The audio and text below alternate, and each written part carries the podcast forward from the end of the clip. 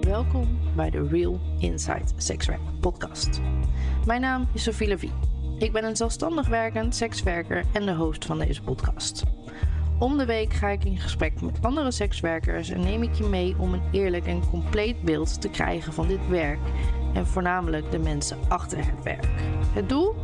Verminderen van de stigma's en een veilig podium creëren voor sekswerkers om hun verhaal te vertellen. Je kunt persoonlijke verhalen, provocerende onderwerpen en interessante gasten verwachten.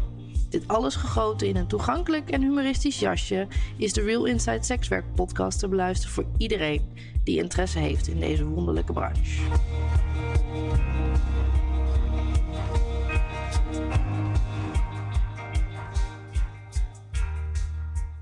Hallo allemaal en voor de tweede keer welkom bij, de, bij een nieuwe aflevering van de Real Inside Sexwerk podcast.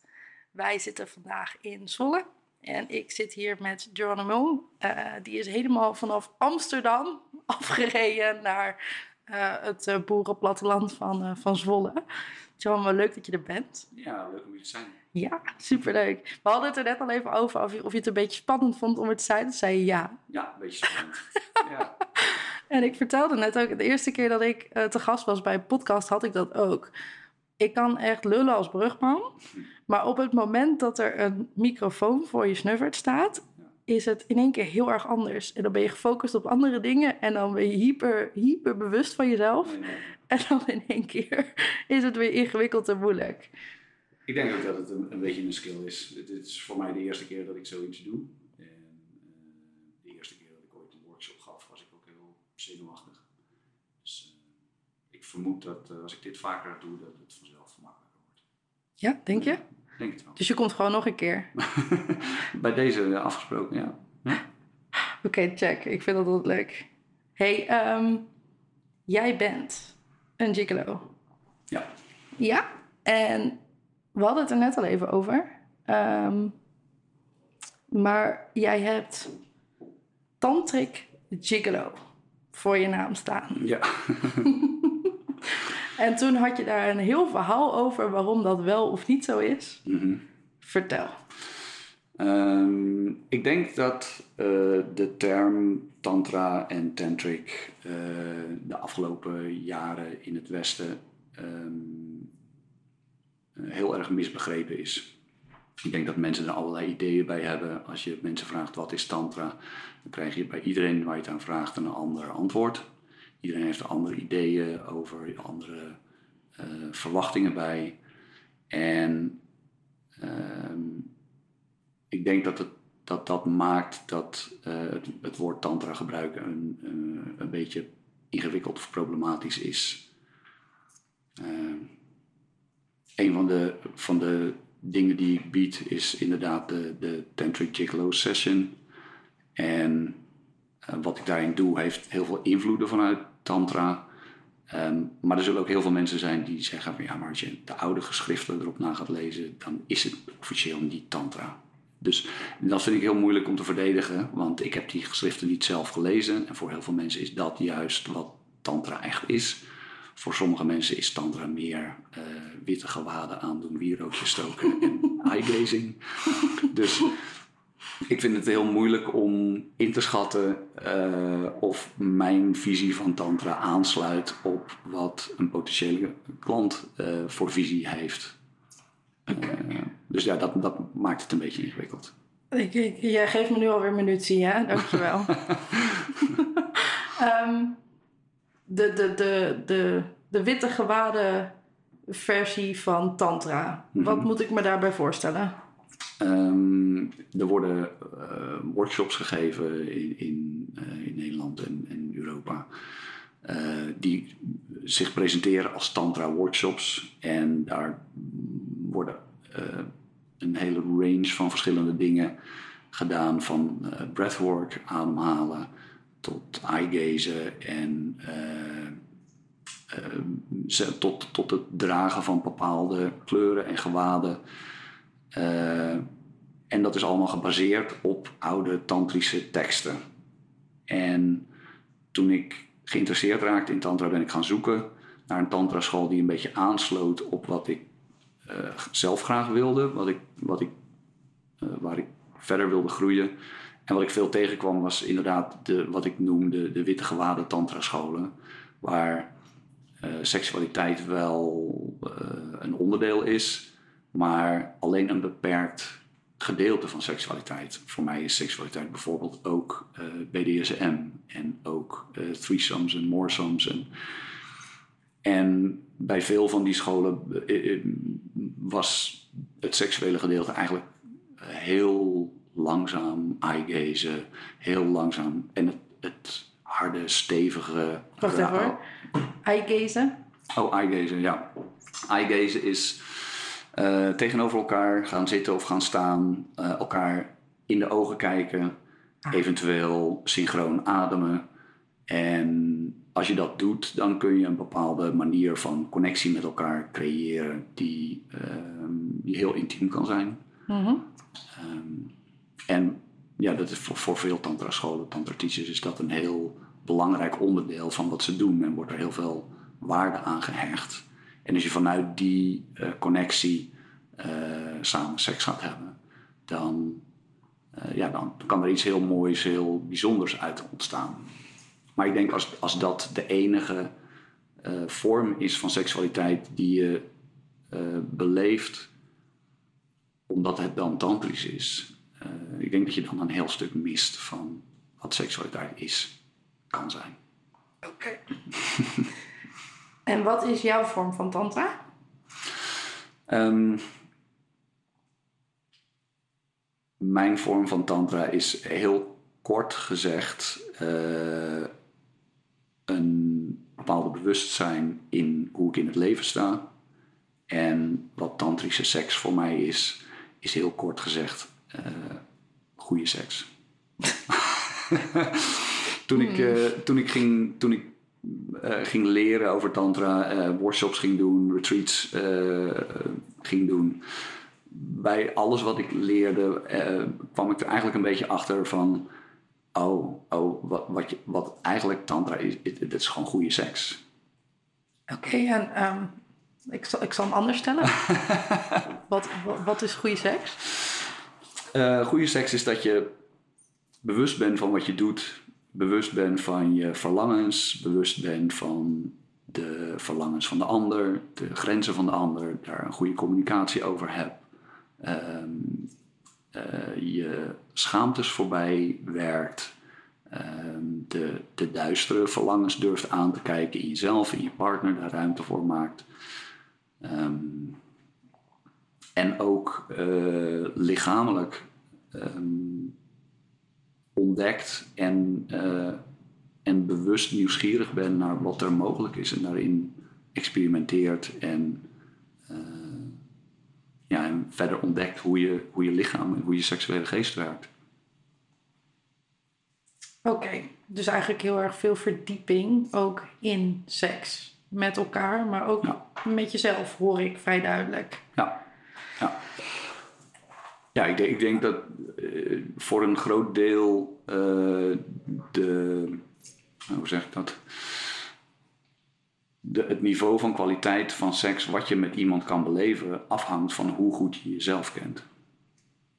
Ja. Als je niet goed, op, niet goed weet wat je lichamelijk fijn vindt en niet goed weet wat je verlangens zijn, wat je fantasieën zijn, als je daar niet zo bewust van bent, dan kun je seks met iemand hebben die uh, ontzettend veel ervaring heeft, maar dan is het heel moeilijk om daar een, een mind-blowing ervaring van te maken.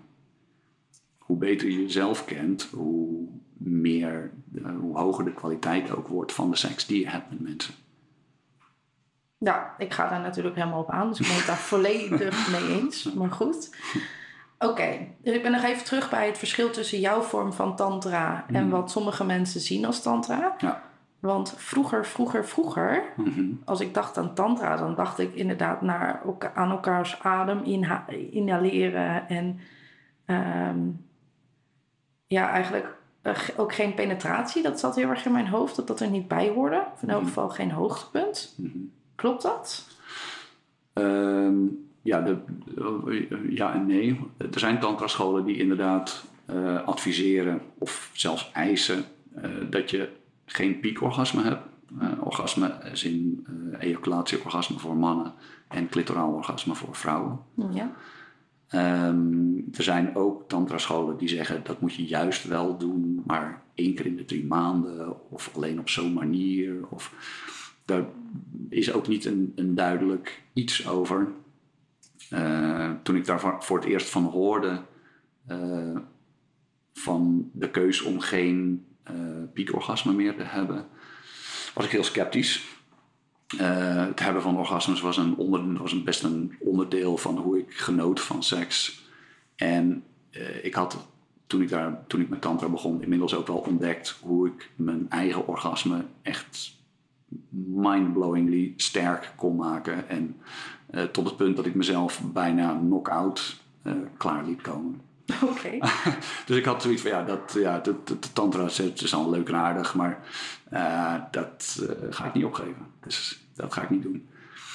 Um, maar omdat ik serieus een tantra retreat wilde bijwonen en daar eigenlijk wel geëist werd of ge, in ieder geval sterk aangeraden werd om uh, te kiezen om geen piekorgasme te doen dacht ik van nou, dan ga ik het proberen, zodat ik argumenten heb waarom het voor mij niks toevoegt, niks niet werkt of niet een goed idee is. Mhm. Dus eigenlijk met die uh, state of mind ben ik, heb ik de, de, de 21 Day Challenge gedaan. Dus dan, um, dan ga je dus uh, 21 dagen lang uh, elke dag seks hebben en niet klaarkomen. Dat is, dat is de challenge. En als je dat doet, werd me verteld, dan kom je erachter wat de voordelen zijn en wat, uh, wat het je op kan leveren als je dat niet doet. Dus ik dacht nou, dat, dat doe ik dan even 21 dagen en dan heb ik reden om te zeggen van ja, dit, dit, dit past niet bij mij. Mm -hmm. um, ik moet eerlijk toegeven, dat lukt er niet gelijk.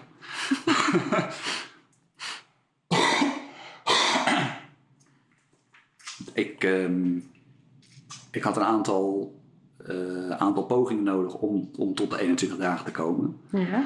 En tot mijn grote verbazing uh, merkte ik dat het me heel erg veel opleverde. Oh? Ja.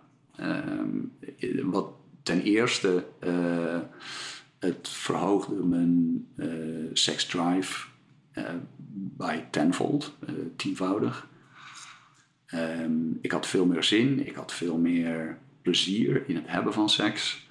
Ik merkte dat als je kiest om, om niet klaar te komen, er een heel groot doel wegvalt in het hebben van seks. Dus het is niet meer een traject van uh, voorspel, seks, heftige seks, klaarkomen, bijkomen, de rest van de dag. Mm -hmm. uh, maar er zat gewoon geen duidelijk eind meer aan. En ik merkte dat ik veel langer seks had met mijn partner. En veel intiemer, veel dieper, veel meer connectie, veel speelser, veel uh, dus alleen al daarom dacht ik van, ah, dit is misschien iets wat ik vaker wil doen. En toen ik dat wat langer deed en er na een tijdje ook wat beter in werd om te zorgen dat ik echt niet meer klaar kwam, um, merkte ik dat ik ook meer energie had in mijn dagelijks leven. Uh, meer plezier, meer. Uh, dus ik heb ook een beetje research gedaan, een beetje YouTube research. Ik ben geen scientist, dus dat is een beetje. op de Beunhouse manier. Uh, ja, precies. Dan, dan, ben je hier op de goede plek. Ah, Oké. Okay. um, en wat ik vond was dat um, als, je, als je klaarkomt, als je een piekorgasme hebt, en dit, is, dit geldt sterker voor mannen dan voor vrouwen, dan uh, komt er ook een flinke piek in je hormoonspiegels. Uh, ja. Dopamine schiet omhoog, om, als een, dat is je reward systeem, zeg maar. Um, endorfine schiet omhoog, serotonine. Uh, al die dingen waar je je lekker van voelt, uh-huh. oxytocine. Uh, en als je klaarkomt, dan schiet die omhoog, dus dat voelt heel lekker. En daarna zakt het heel erg om, omlaag. En het duurt best wel lang voordat dat weer terug op het basisniveau is. En, Wat is best wel lang? uh, wat de tantraschool waar ik het meest actief ben uh, zegt, is 17 dagen. Oké. Okay. Dat is best wel lang. Vandaar is... de, de, de 21 Day Challenge. Dus, Want binnen die 27 dagen heb je vaak weer nieuw, opnieuw seks gehad, tenminste. Ja, uh, 17. Oh, 17. 17 ja. Binnen die 17 dagen heb je vaak weer opnieuw Precies. seks gehad. En dan dus ja, het, het argument is dat veel mensen eigenlijk helemaal niet weten hoe hun basisniveau voelt. Nee.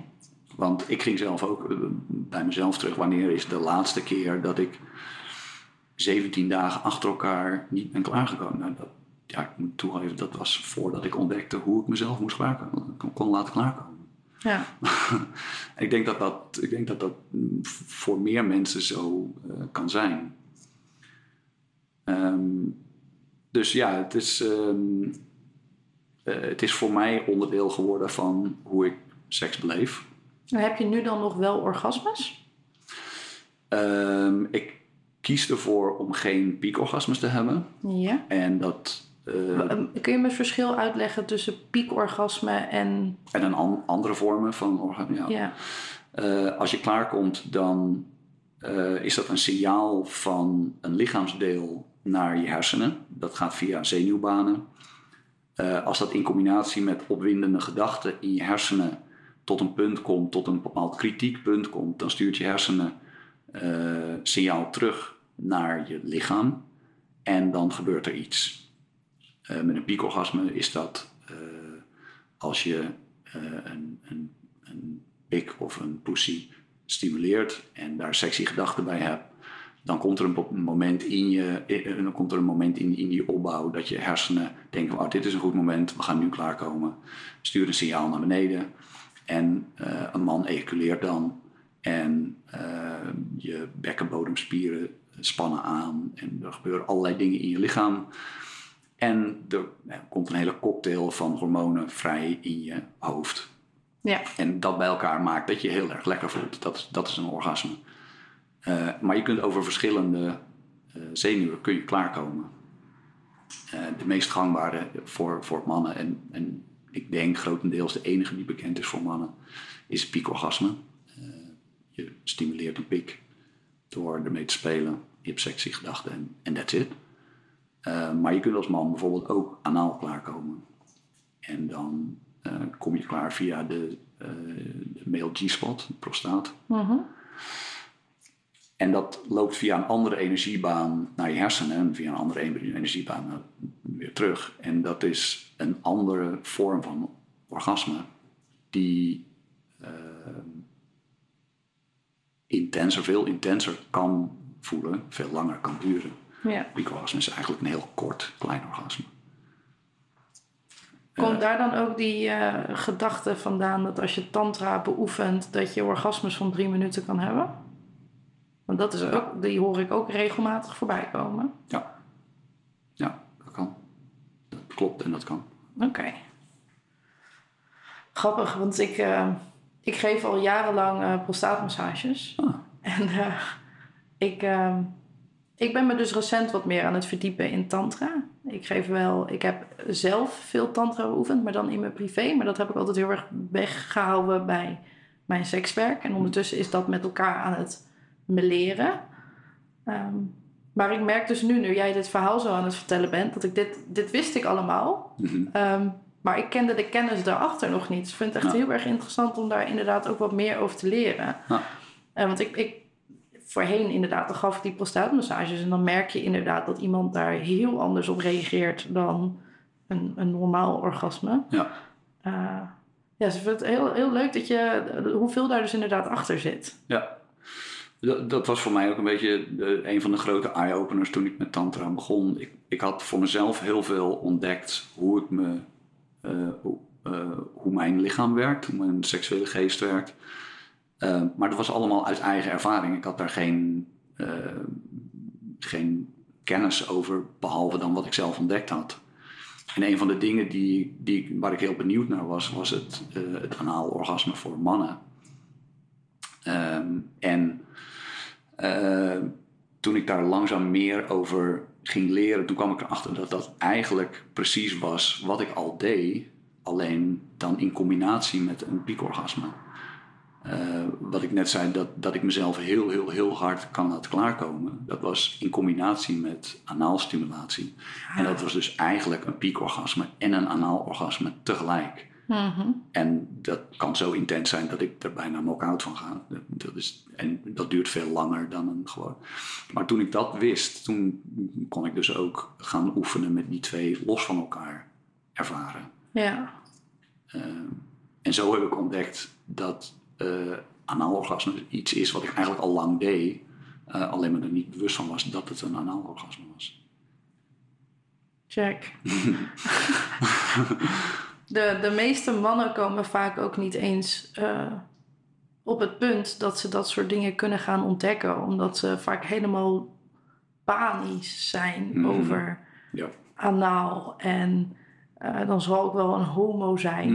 Of Ja, allerlei van dat soort opvattingen. Uh, Ja. Ja, dat is, dat is de. Als we, als we opgroeien, dan krijgen we van zo jongs af aan al zoveel schadelijke ideeën en beelden mee eh, over seksualiteit, over relaties, over hoe het eruit zou moeten zien, wat wel en niet geaccepteerd is. En dat creëert schaamte. En ik denk dat die schaamte een van de grootste blokkades is voor mensen om een eh, mindblowing goed seksleven te hebben. ja. En inderdaad, voor mannen is een van de grootste eh, schaamtepunten ehm, eh, om, geen, om vooral geen homo te zijn. Ja. ja.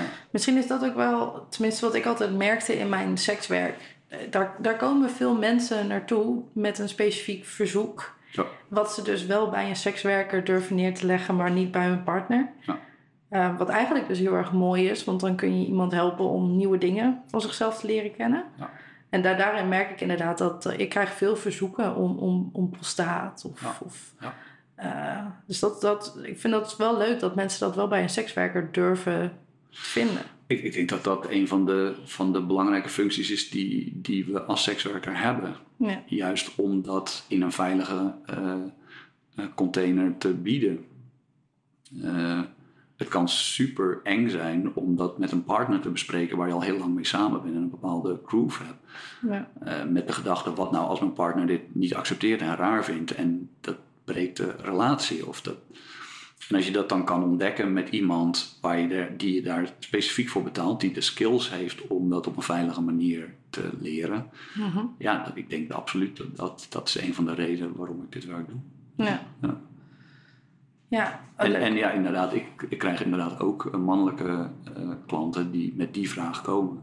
Van ik, heb een beetje ontdekt dat die pleasure spot, eh, dat anaal een pleasure spot is en, en daar wil ik meer over leren, daar wil ik meer on- ontdekken. Eh, maar ik weet niet waar te beginnen, ik weet niet hoe, ik schaam me ervoor, ik vind het eng, ik wil- durf het niet met een partner te delen. ja. Ja.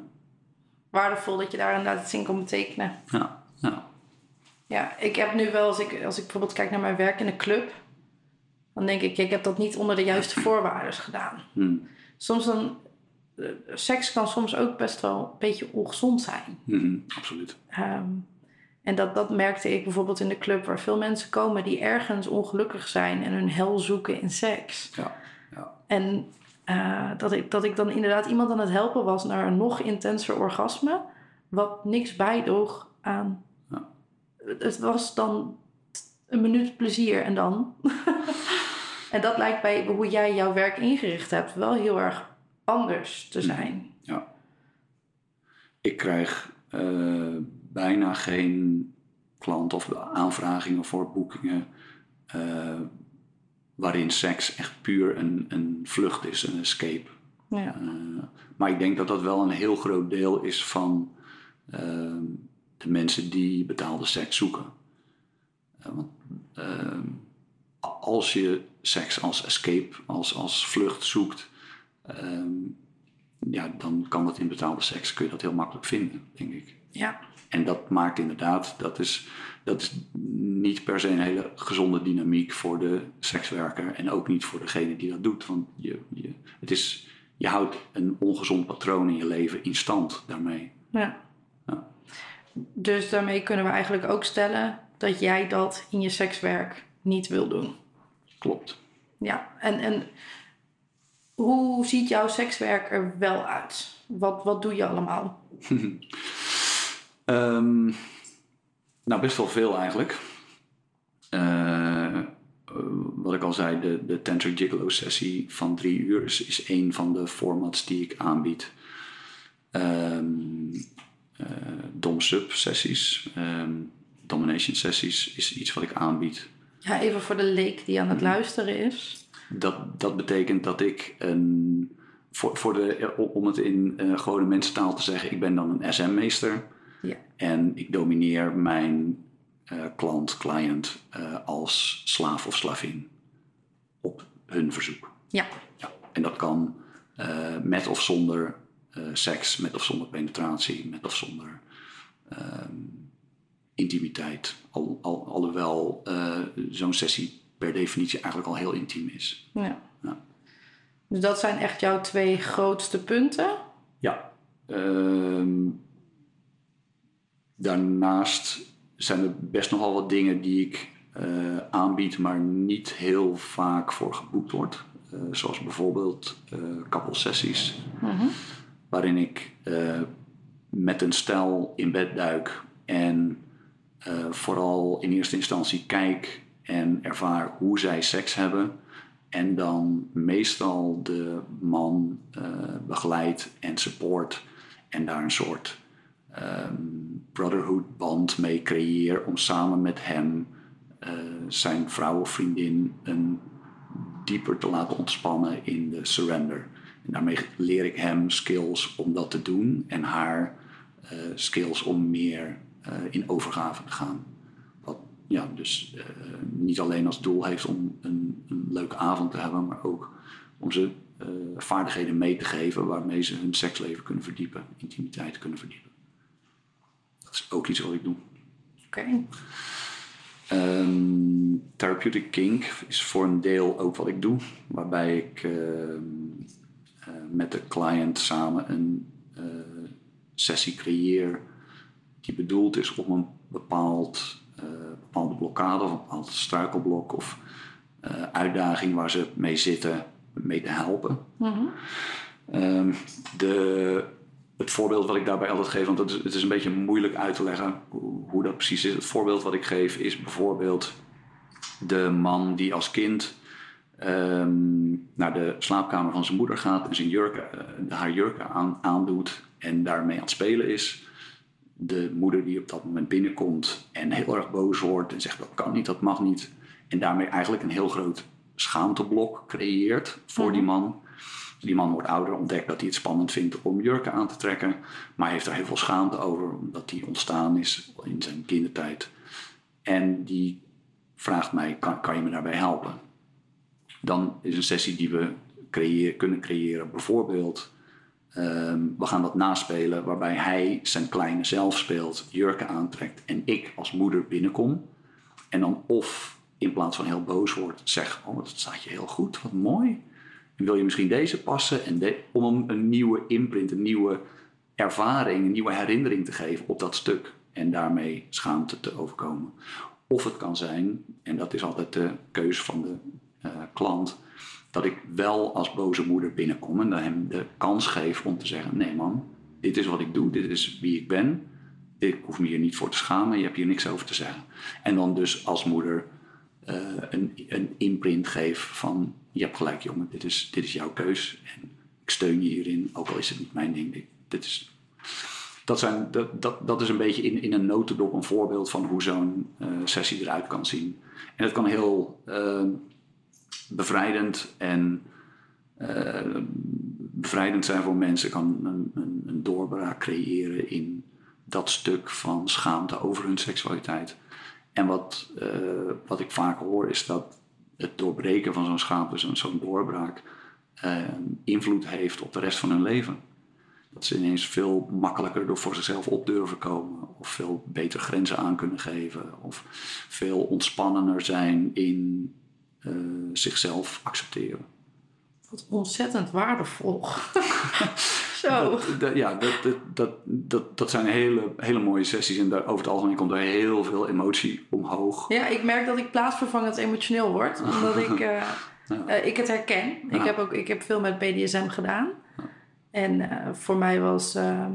ik was altijd heel erg dominant in mijn privéleven.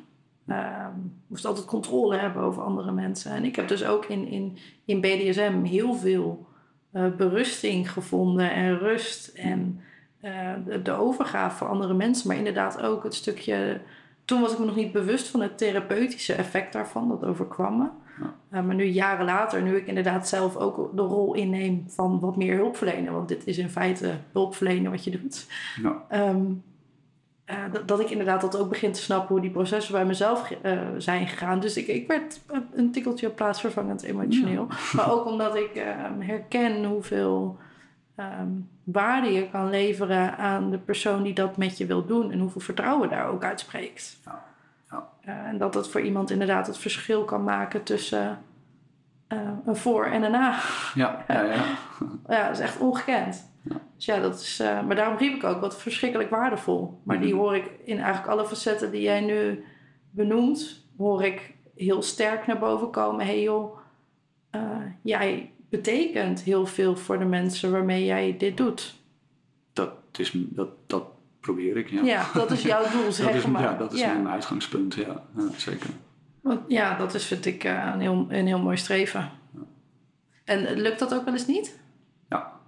uh, en dat zijn, voor, dat, dat zijn voor mij echt de, de zwaarste sessies. Uh, als ik een, uh, een boeking heb met iemand die het heel moeilijk vindt om of de controle los te laten of de intimiteit in te gaan, mm-hmm.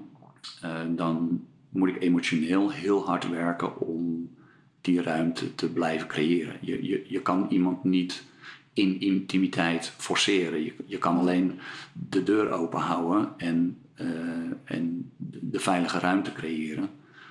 Um, maar als iemand uh, bijvoorbeeld elke keer op het moment dat het intiem wordt of dat er, uh, een, dat er iets gebeurt op dat vlak, weer terug naar de oppervlakte gaat door bijvoorbeeld een grapje te maken of uh, af te leiden of ineens iets heel ongerelateerds te doen. Of even op dat moment, oh nee, ik heb, moet nu echt even thee zetten, want ik heb dorst. Of weet je wel, dat steeds weer uit die intimiteit gaat. Uh, ja, dan, dan kan ik niet bieden wat ik, wat ik te bieden heb. Ja. Um, Iemand moet bij jou kunnen of in staat kunnen zijn tot die intimiteit. Ja, precies. Maar dat is verschrikkelijk moeilijk. Dat is het. en als dat, en je vroeg net, lukt dat wel eens niet? Als, als dat niet lukt, uh, dat, dat zijn sessies waar ik een dag van moet bijkomen. Ja. ja. Dat, dat herken ik. Ik heb dat inderdaad ook. Ja. Als je inderdaad tot die intimiteit, op de verbinding zit en ook als je als sekswerker um, dat als doel hebt, dan kun je ook niet meer anders dan dat. Mhm. Dus je kunt zelf niet meer terug naar die oppervlakkigheid. Dus als iemand jou dan op de oppervlakte houdt, terwijl jij met diegene de diepte in wil, dan vraagt dat verschrikkelijk veel van je energie. Ja. Want ja, dat moet je dan bij jezelf houden terwijl je het wil delen. Ja. Letterlijk. ja. ja. Oké. Ja, en daarbij, uh, om, uh, om iemand de ruimte te geven om de intimiteit in te gaan, moet je zelf emotioneel open gaan staan. Ja. Dus zo'n sessie sta ik eigenlijk van begin tot eind uh, emotioneel wagenwijd open. En de ander uh, blijft aan de oppervlakte. Ja. En, en dat, ja, dat, uh, dat tankt mijn energie echt helemaal leeg. Ja, dat is echt een energie touwtrekken ook. ja. ja. ja. Ja, dus mensen vragen wel eens: wat is het, wat is het moeilijkste aan sekswerk? Nou, als ik zo'n. Dat is, dat is eigenlijk een van de dingen die ik moeilijk vind. Nou, voor, je, je benoemt net een beetje de, de pijlers in jouw sekswerk wat jij doet. Um, maar wat voor soort mensen boeken jou? Hm. Uh, daar zit ook best wel een verloop in. Uh, de eerste paar boekingen die ik deed, dat waren vrouwen die gewoon eens uh, wilden ervaren hoe het is om uh, goede seks of, of tantrische seks te ervaren. Uh, daarna heb ik vooral sessies gedaan uh, met mensen die ik ontmoette in een workshop en, en die met een specifieke hulpvraag of specifieke wens kwamen. Um, en dat, dat was meer de, de therapeutic kink sessies. Um, toen ben ik uh, ook gaan adverteren online.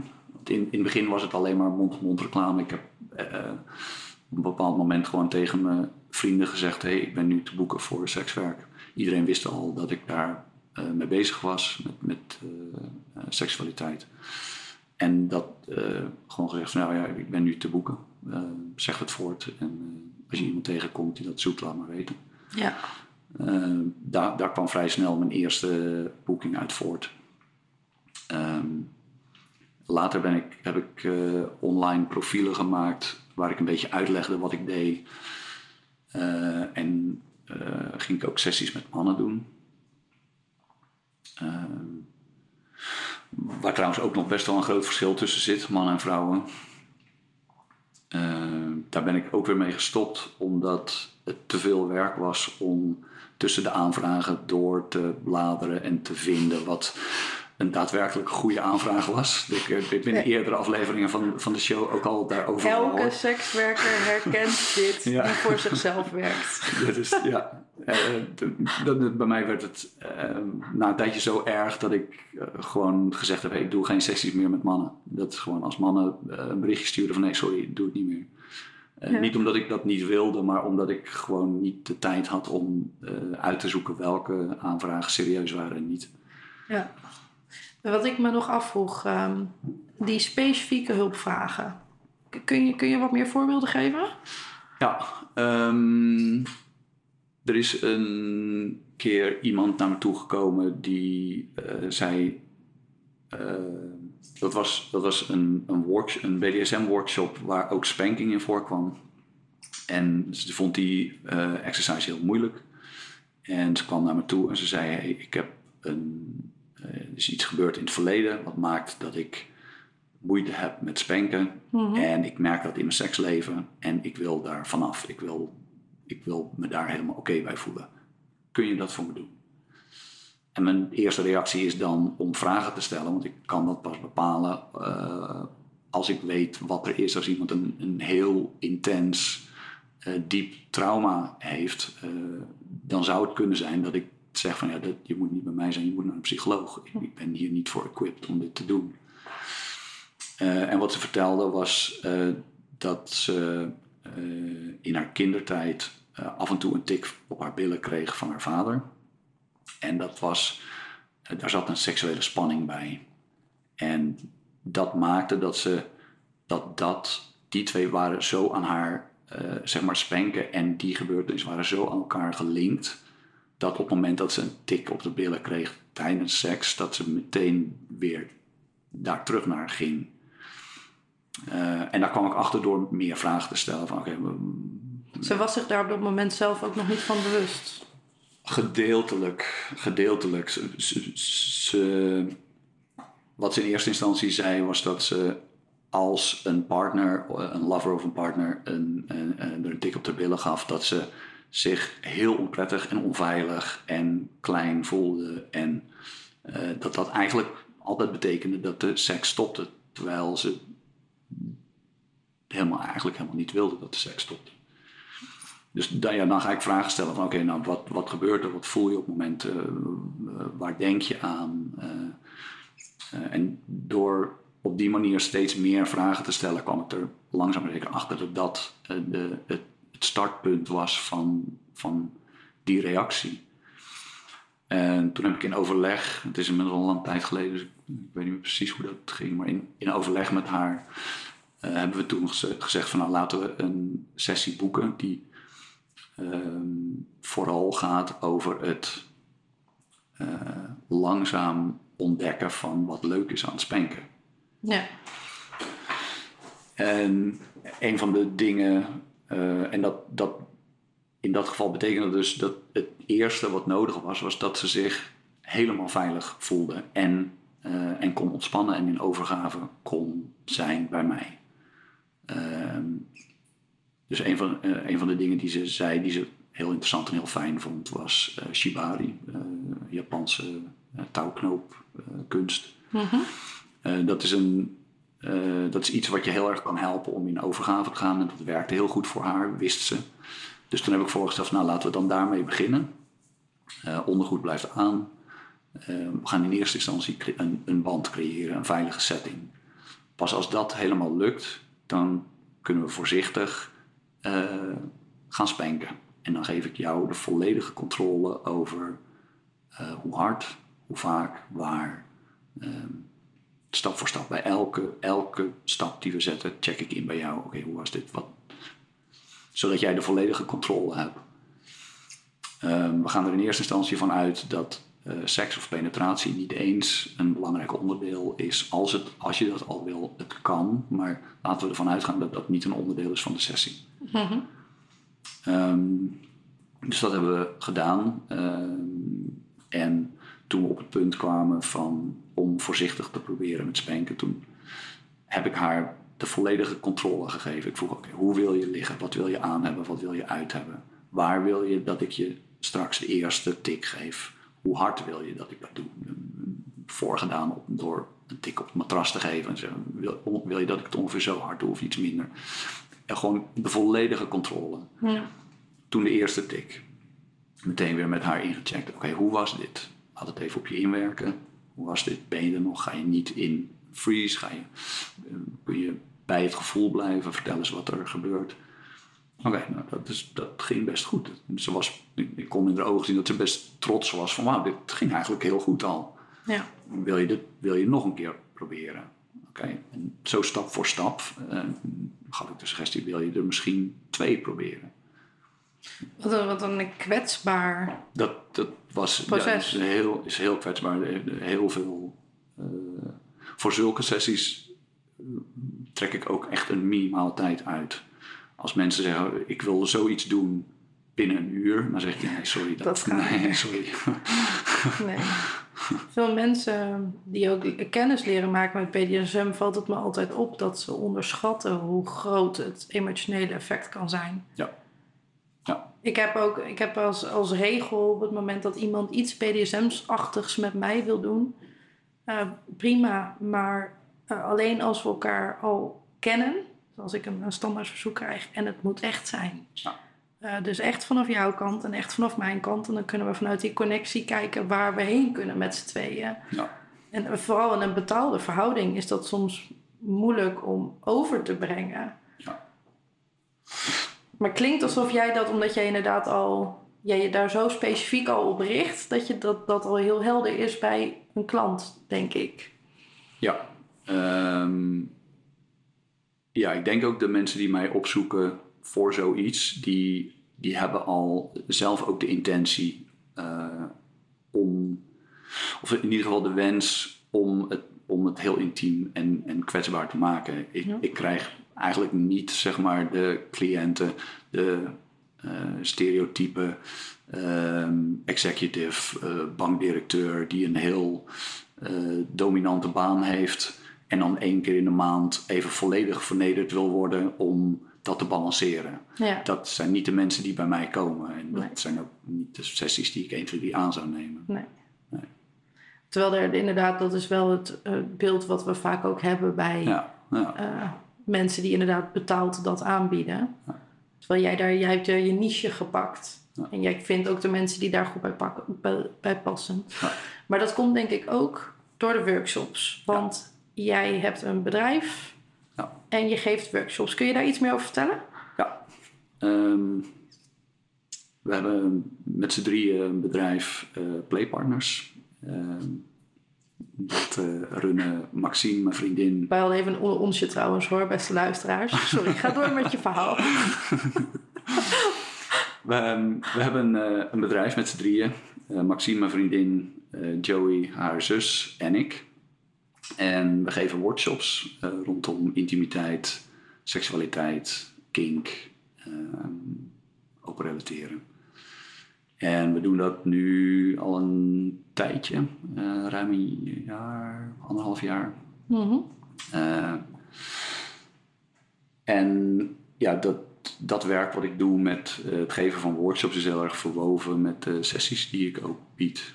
Eh, zeker in het begin eh, kwamen veel van de aanvragingen voor boekingen voort uit mensen die naar een workshop geweest waren. En Ja. iets tegen waren gekomen waar ze meer over wilden ontdekken of, of dieper in wilden duiken. Of, ehm, en ja, dat, da- daar is een een één op één sessie gewoon heel geschikt voor. Want je kunt heel diep gaan, veel dieper dan in een workshop. Omdat je met een workshop eh, 30 tot 60 mensen eh, allemaal meeneemt op een bepaalde reis, op een bepaald traject. En als iemand een specifiek ding van zichzelf juist wil ontdekken, dan is een op één sessie daar heel, heel goed voor. Ja. Maar veel van de onderwerpen, veel van de eh, filosofieën, van de ideeën, ja, die komen eh, zowel in mijn sessies als in de workshops terug. En wat voor soort workshops geven jullie dan? Ehm, een van de eh, workshops die we op dit moment geven, die heel populair is ook, eh, is de Domination Workshop. Mhm. Waar we ehm, eh, een groep van eh, 15 tot 60 mensen laten zien en laten oefenen met wat het is om op een gezonde, gevende manier iemand te domineren. En dan eh, bij domineren moet je niet denken aan eh, zweepjes en vernederen, maar eh, juist de leiding nemen. Op een manier dat iemand zich helemaal kan ontspannen. Eigenlijk het, het creëren van een veilige container waarin iemand helemaal in overga- overgave kan gaan. Dus daar ook hoe jij dat doet in je sekswerk, Ja, is ook de filosofie die jullie aanhangen bij Playpartners. ja, En daar geven jullie veel workshops over. ja. En jullie opereren in het gebied wat we sex-positive noemen.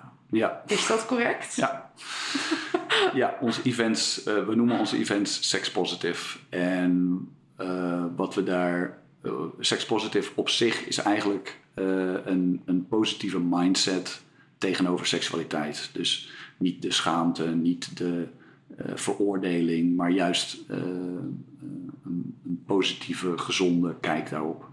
Mhm. En de events die we geven, die we sex positive noemen, eh, zijn events waar seksualiteit is toegestaan. Dat betekent dat je hoeft daar geen seks te hebben, maar het mag wel als je dat zou willen. Ja. Eh, geheel volgens consent natuurlijk. Eh, we moedigen niks aan wat niet volledig in consent is. Ehm, maar ja, veel van onze workshops beginnen met een, eh, met, met een workshopgedeelte waar we eh, mensen laten connecten met zichzelf, eh, met anderen. Ehm, eh, we creëren een, veilige container om te ontdekken en om te spelen. We doen een aantal exercises, eh, oefeningen die eh, de deelnemers iets leren over het onderwerp van die workshop, bijvoorbeeld domination of tantric masturbation of wat dan ook. En dan is er een gedeelte vrij spelen, waar mensen met elkaar kunnen spelen op de manier dat ze willen. Of lekker aan de kant zitten en kunnen kijken naar het spektakel wat zich daar afspeelt. Klinkt eh, best wel leuk. Dat is heel leuk, ja. ja, dat is heel leuk. Ik vind het altijd zo grappig hoe soms bepaalde dingen in je leven ook kunnen lopen. Want eh, ik merk dat ik steeds meer die kant op begin te neigen. Maar ik vertelde ook dat ik uit een klein boerendorp. eh, eh, eh, een klein boerendorpje kom. En ehm, eh, daar leeft dat gewoon niet zo. En ik ben nu mijn stappen in seksualiteit aan het zetten. En ik kom steeds meer in, in die wereld terecht. Ja. Terwijl het is eh, soms moeilijk te bereiken, vind ik. Ja. Dus ik vind het heel erg leuk dat je dan dus tegenover me zit met al jouw visie die eh, zo sterk passend is bij ook wat mijn visie tegenwoordig is. Alleen ik heb hem zelf ontdekt en nu kom ik tot de conclusie dat er zoveel meer mensen zijn die dat dus aanhangen. Ja. En dat daar dus ook een termpje bij hoort. En dat daar evenementen voor georganiseerd worden. En dat ik niet de enige ben. ja. Daar gaat de wereld voor me open. Dat is, dat is iets wat we van heel veel mensen horen in workshops. Van, oh my god, er gaat een wereld open. Er zijn meer mensen die de, de herkenning en de, de, de, eh, ja, de ontspanning die bij mensen komt van... oh my god, ik ben niet de enige. Dit, Mhm. dit is, er zijn meer eh, mensen zoals... Dat is, ja, dat is een groot onderdeel van, eh, van waarom mensen het zo leuk vinden om naar een workshop te komen. Ja, ik vind het zo jammer, want jullie hebben de zaterdag dus weer één. En Ja. nu baal ik zo dat ik niet kan komen. Het goede nieuws is, we doen het eh, elke maand op die plek. Ja? Eh, dat is een hele dag eh, in Amsterdam, eh, eh, Odessa, Muiderpoort. Ja? Ehm, het, is, het is bijna een soort mini-festival. Eh, we beginnen met een opening circle waarin iedereen een beetje kan landen, een beetje eh, aan kan komen, een beetje kan, eh, eh, zich kan ont- ontspannen voelen in de groep, connectie met zichzelf kan maken, connectie met anderen. En dan zijn er twee workshops die tegelijkertijd lopen. Eh, twee zalen. Een, een goede vriendin van ons geeft haar workshop Tantric Speed Date. Ehm, ik, ben, ik heb hem zelf nog niet gedaan, maar wat ik ervan gehoord heb, is het een hele toffe workshop waarin je eh, een korte kennismakingen maakt met mensen op een non-seksuele manier. Maar eh, wat veel sneller, veel dieper gaat dan een gewone speeddate. Ja, dat kan ik me voorstellen. Ik, ik kon tantric en speeddate niet echt aan elkaar linken. Ja, dat lijken me twee een- tegenpolen. Maar Het, is een, het is een concept en eh, ja, eh, ja, ik zeg het, ik heb zelf de workshop nog niet gedaan, maar eh, ik weet wel dat ze heel goed is. En wat ik erover hoor is dat ze... ja. En op datzelfde moment geven Joey, Maxime en ik ehm, genital self-pleasure, tantric self-pleasure in de andere workshop. Ehm, waarbij we gaan proberen mensen te leren wat je kan doen met een pussy en een kok dat de meeste mensen nog niet weten. Oké. Ehm, dat triggert mijn nieuwsgierigheid. Maar dan, dan is nu de marketingtruc... jongens, als je het wil meemaken... en ik zet, eh, de, Ja. ik zet jullie bedrijfsgegevens even in de show notes... dan kan iedereen dat opzoeken. Mochten daar inderdaad geïnteresseerden zijn... waar ik er dus sowieso één van ben... dan weten we dat te vinden. Ik heb ondertussen even de gram erbij gepakt. De Instagram. Ah. Want ik heb eh, gevraagd of er mensen Ja. waren die vragen voor je hadden. Ik ben heel benieuwd. En onze beste vriendin eh, Melinda Witkamp is eh, helemaal losgegaan. Ehm, maar ik begin eventjes met iemand die iets minder voor de hand ligt. En dat is iemand uit mijn swing-netwerk. Ehm, ik had je natuurlijk voorgesteld als alleen gigolo. Nou, daar ondertussen horen we dat daar iets meer achter zit dan alleen gigolo. En zijn vraag was... Hey Geronimo, hoe maak je zin, tussen haakjes... als je een klant niet aantrekkelijk vindt? Eh, ja, dat is een vraag die ik wel eens vaker krijg. En ehm, de manier waarop ik een sessie inga is vanuit compassie.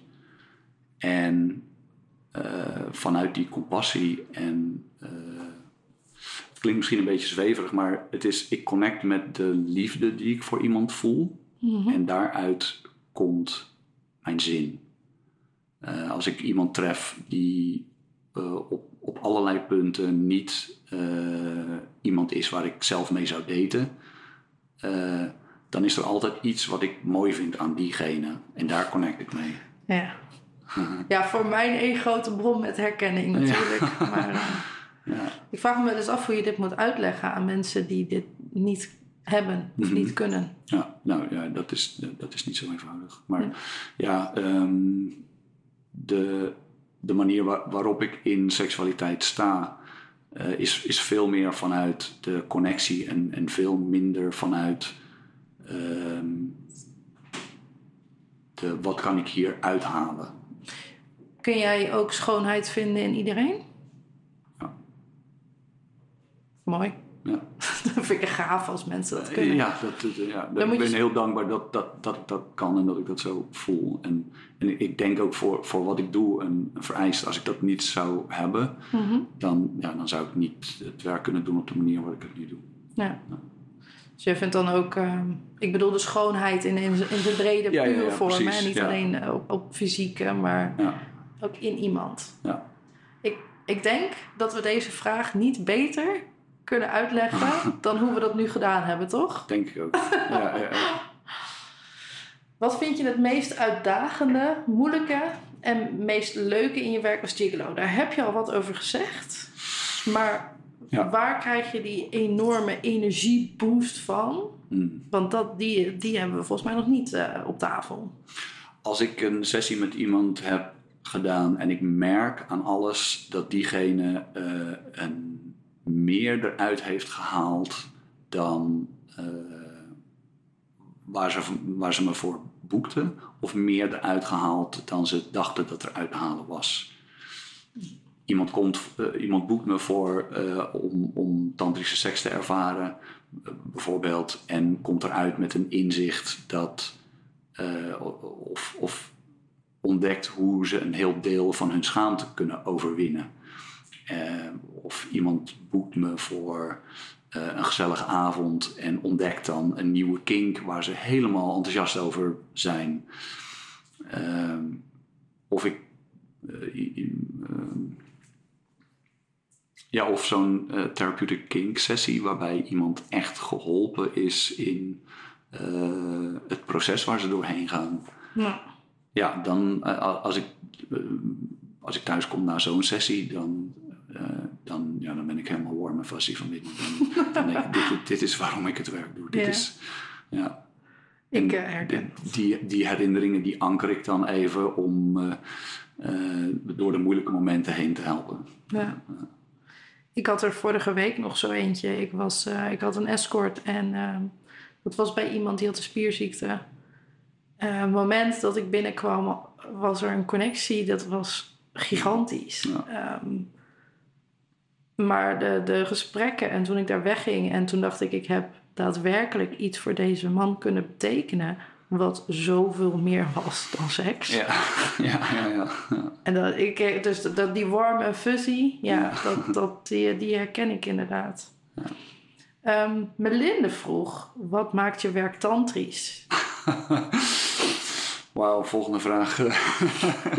ja, ik vind dat heel moeilijk om uit te leggen. Eh, ook omdat er zoveel verschillende ideeën zijn over wat tantra nou precies wel is en precies niet is. Eh, sommige mensen hebben er een heel specifiek afgekaderd beeld van. En zodra er iets gezegd wordt, dit is tantra wat niet binnen dat kader valt, dan ehm, gaan ze daar meteen in, in tegen eh, verdedigen van nee, dat is geen tantra. De tan- echte tantra is dit en dit en dit. Ik denk dat wat maakt mijn werk tantrisch is dat ehm, heel veel invloeden die uit ware tantra komen, die verweef ik in de workshops en in de sessies die ik doe. En bijvoorbeeld eh, dingen als eh, bewustzijn van wat ik doe en waarom ik het doe. Eh, bijvoorbeeld het vertragen zodat je steeds bewust blijft. Als je, als je heel snel gaat, dan verlies je het bewustzijn van waarom dan. eh, dan ben je gewoon dingen aan het doen omdat ze op dat moment goed voelen. Maar als je juist vertraagt bij elke stap die je zet, dan heb je de tijd om na te denken en in te voelen hoe is dit echt voor, voor mijn lichaam, hoe is dit echt voor mijn geest als we deze stap gaan zetten. Ehm, ik denk dat het ook goed is om te noemen dat het eh, kiezen voor het niet hebben van ejaculatieorgasmes ook een belangrijk onderdeel is van wat het tantrisch maakt. Ehm, ik ben zelf niet heel erg zweverig aangelegd, maar ja, eh, je, je, je zou kunnen zeggen door het niet hebben van ehm piekorgasmes gaat mijn seksuele energie gaat heel erg omhoog. Ehm, dus ik denk, ik denk dat dat voorbeelden zijn van wat, wat mijn sessies of wat mijn werk tantrisch maakt. Maar ja, zoals ik eerder ook al zei, ik, ik, ik vind het, eh, de term tantra moeilijk eh, en problematisch. dat ik- Jij moet gewoon je eigen term verzinnen. Ja, ja, Ja. Dat, eh, dat zou denk ik een goede zijn. Voor, ja. Waar Melinda inderdaad haar intimate slow lovemaking heeft. Ja. Ik ben net, ik ben ook bezig met een grote marketing boost voor mezelf. En bij mij gaat die Sophie Levy eh, natural intimacy worden. Wat dan weer heel goed bij mij past. Ja. Jij moet ook je, je term gaan zoeken. Ja, nou ja, ik, ik, ehm, ik ga eh, de komende tijd werken aan een website. Ja. En eh, ja, daar zal ik inderdaad eh, termen moeten verzinnen of moeten kiezen die Want passen. wat, wat, wat jij doet, ehm, als, eh, je, het moet een soort van duidelijk worden dat, dat jouw vorm van tantra Ja.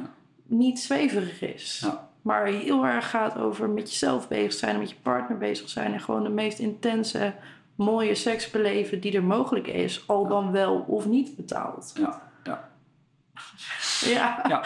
Uitdaging. ja. Ik heb nog een vraag voor je. Yes.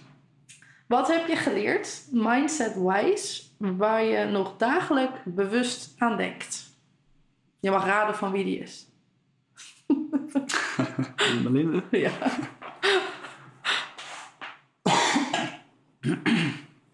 Wat heb ik geleerd mindset-wise? Ehm, ik denk de eerste en de grootste shift die ik in mijn leven maakte, waarin ik meer, uh, of waarin ik het, het, spirituele pad of het pad van, van persoonlijke groei opging, was de ontdekking dat het voor mij allemaal begint met dankbaarheid. Hm. Uh, ik heb een heel, hele wilde jeugd gehad. Alle drugsgebruik die God verboden heeft. Ehm, alles gedaan wat, wat ik maar kon verzinnen. Tot ik op een punt kwam van, waar ik, heb, ik heb nu al eigenlijk alles uit het leven gehaald wat ik eruit kan halen. Ik wil meer. En ik zag mensen om me heen die heel veel vreugde en, en uh, geluk haalden uit dankbaarheid. En ik dacht, nou, dat wil ik ook. Dat, dat, I gotta have that. Uh, dus toen heb ik, ben ik bewust begonnen met een practice, een, een dankbaarheidspractice. Gewoon s ochtends even gaan zitten op een meditatiekussentje, bedenken waar ik dankbaar voor was. Dat voelde in het begin heel klanky en heel ongemakkelijk. Echt zo van, wauw, dit is... Moet ik daar dankbaar voor zijn? Dat heb ik toch zelf geregeld in mijn leven? Uh, die gedachten. Je kwam in conflict met je ego, zeg maar. Ik kwam heel erg in conflict met mijn ego. um, maar daar heb ik hem uh, doorheen gepusht. En ehm, ontdekt hoe ik kon connecten met, met dankbaarheid en, en compassie voor mezelf en voor anderen.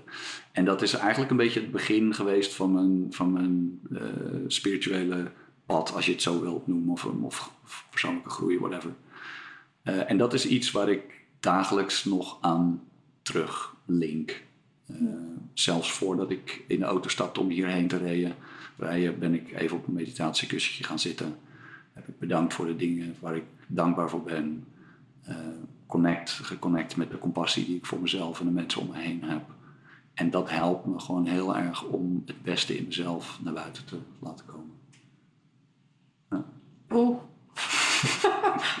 ik, word, ik word er stil van. Wauw. Ja. Ik denk dat dat een. Uh, dat is een beste. Hmm. Die ook uh, meteen je geluk zoveel groter maakt. En ja.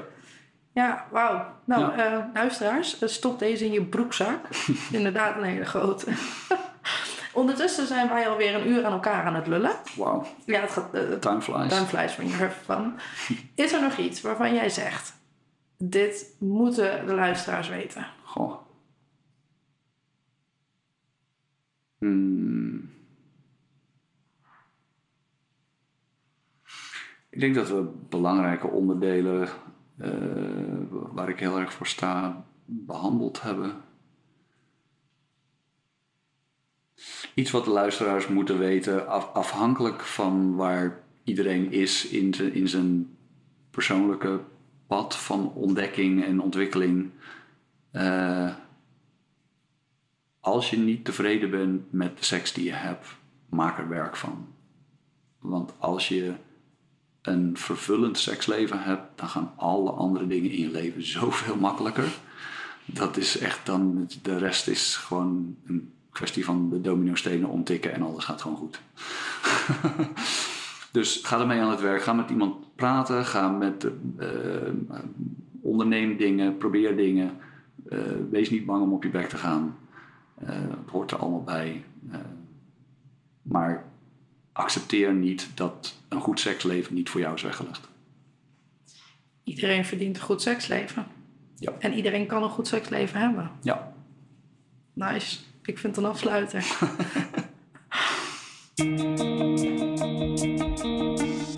Dankjewel dat je weer luisterde naar een aflevering van de Real Inside Sex Work podcast. Elke dinsdag om de twee weken is er een, eh, een nieuwe aflevering. De ene keer ga ik in gesprek met een andere sekswerker of een instantie. Um, en soms ga ik in gesprek met mezelf over een bepaald onderwerp. Denk je nou, hey joh, ik uh, wil de Real Inside Sexwerk podcast uh, goed in de gaten houden. Ga ons dan op Instagram volgen. Dat is de Real Inside Sexwerk podcast. Zonder spaties, geen gekheden. En ga ook even bij je favoriete podcastplatform uh, ons volgen en zet de meldingen aan. Dan krijg je automatisch een melding op het moment dat er een nieuwe aflevering is. Uh, tot de volgende keer.